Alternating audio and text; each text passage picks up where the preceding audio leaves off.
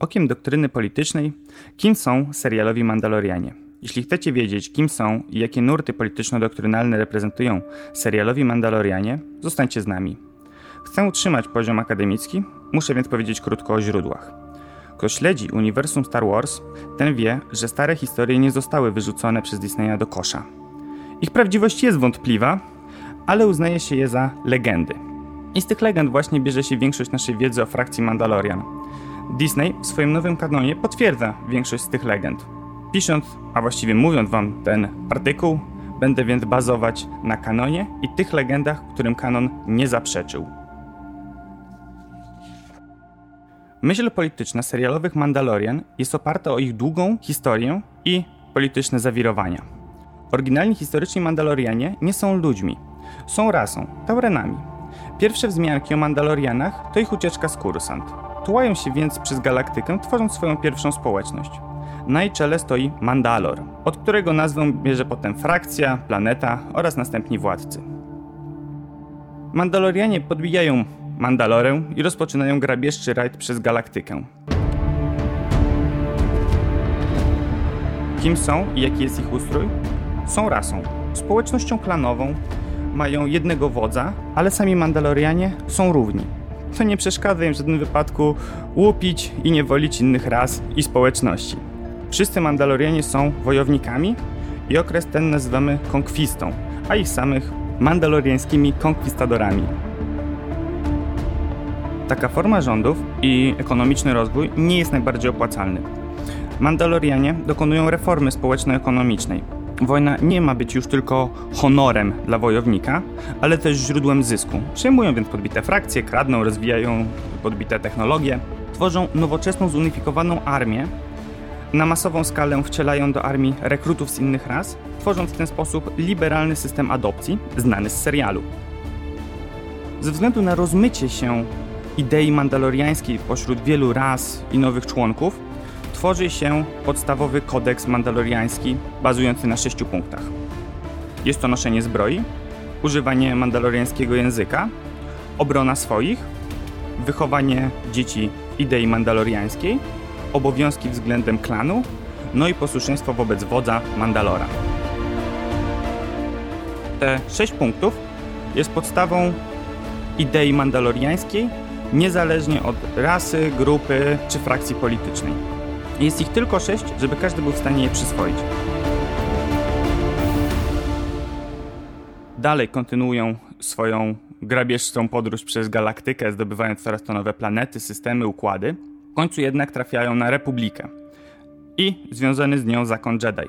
Mandalorianie po długich, ciężkich bojach przegrywają i zostają zmarginalizowani do armii lub najemników walczących po różnych stronach konfliktu między Sithami a Jedi.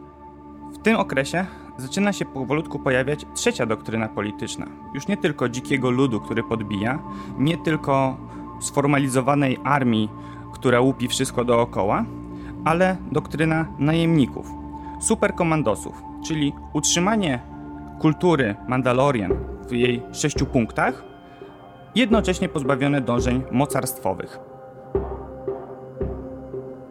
Tej formie Mandalora powolutku zaczyna się odbudowywać, stanowiąc zagrożenie dla Republiki.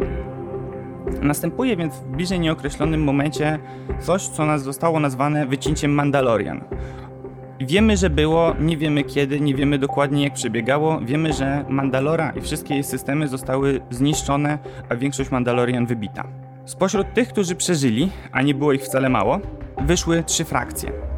Marionetkowy rząd tzw. Tak nowych Mandalorian, w pełni pacyfistyczny, pozbawiony tradycji i odcinający się od sześciu punktów kodeksu mandaloriańskiego, a także w pełni podporządkowany politycznie republice. Dość śmieszna sytuacja, jest to teoretycznie niezależne państwo, którego władca zdaje sprawozdania w Senacie Republiki. Mandalor jest tam władcą politycznym, zaś sami Mandalorianie są jego poddanymi. Drugą frakcją, o której wspomnę, są prawdziwi Mandalorianie. Jednym z takich przykładów jest Jango Fett, którego znamy z oryginalnych filmów. Prawdziwi Mandalorianie są kontynuacją wizji Mando jako najemników czy superkomandosów. Promują polityczny libertarianizm, a sam Mandalor jest bardziej autorytetem niż władcą. Ci prawdziwi Mandalorianie zostali w którymś momencie wycięci przez Straż Śmierci, o której zaraz wspomnę. Mimo tego, że zostali wycięci, ich idea przetrwała w protektorach.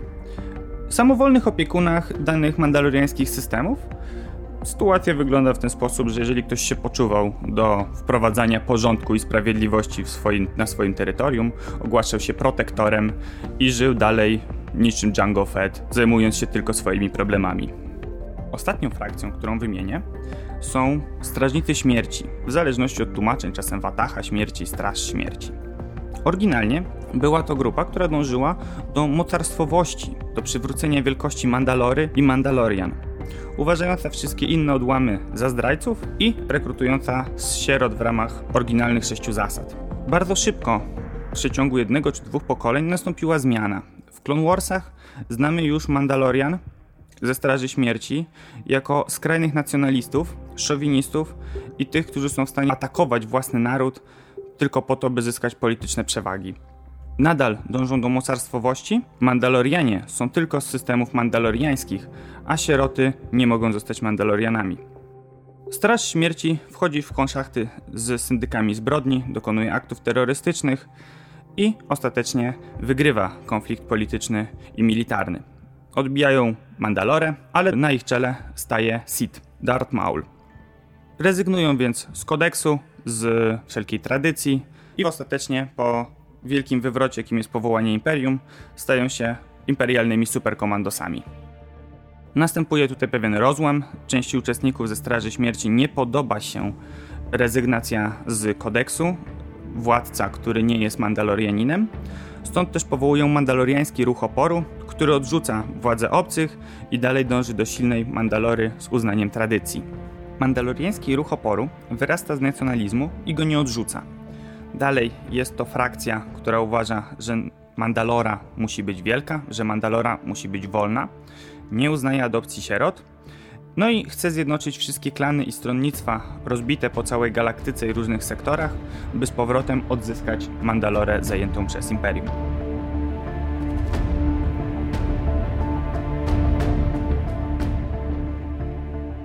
Tak to wygląda ogólnie. Jest jeszcze jedna frakcja, którą poznajemy w serialu. Dostajemy o niej tylko skąpy zestaw informacji. Nazywają się Dzieci Straży i to ich poznajemy głównie w serialu. Są spadkobiercami Straży Śmierci, tego ugrupowania skłonnego do terroryzmu, do nacjonalizmu. Dzieci Straży rozpamiętują mocarstwowość i chcieliby wolnej i potężnej Mandalory, ale zdają sobie sprawę z braku realizmu takich idei, takich dążeń. Zdają sobie sprawę z tego, że ich dążenia byłyby nierealne. Ukrywają się więc przed światem, żyją jak najemnicy, starają się dalej puścić w świat jak najwięcej Mandalorian, by powolutku odbudowywać siłę samej frakcji.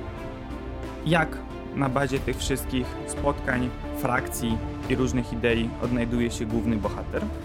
Powiedziałbym, że Din Djarin, główny bohater w serialu Mandalorianie, jest niezdecydowany. Spotkał się zarówno z Bobą, który jest najemnikiem, dziećmi straży, z ich sekciarskim podejściem, z którego zresztą sam się wywodzi, jak i z Bo-Katan z jej nacjonalizmem i szowinizmem. Ale póki co, póki nie zobaczymy trzeciego sezonu, nie dowiemy się, którą frakcję wybierze. Dziękuję bardzo i do usłyszenia.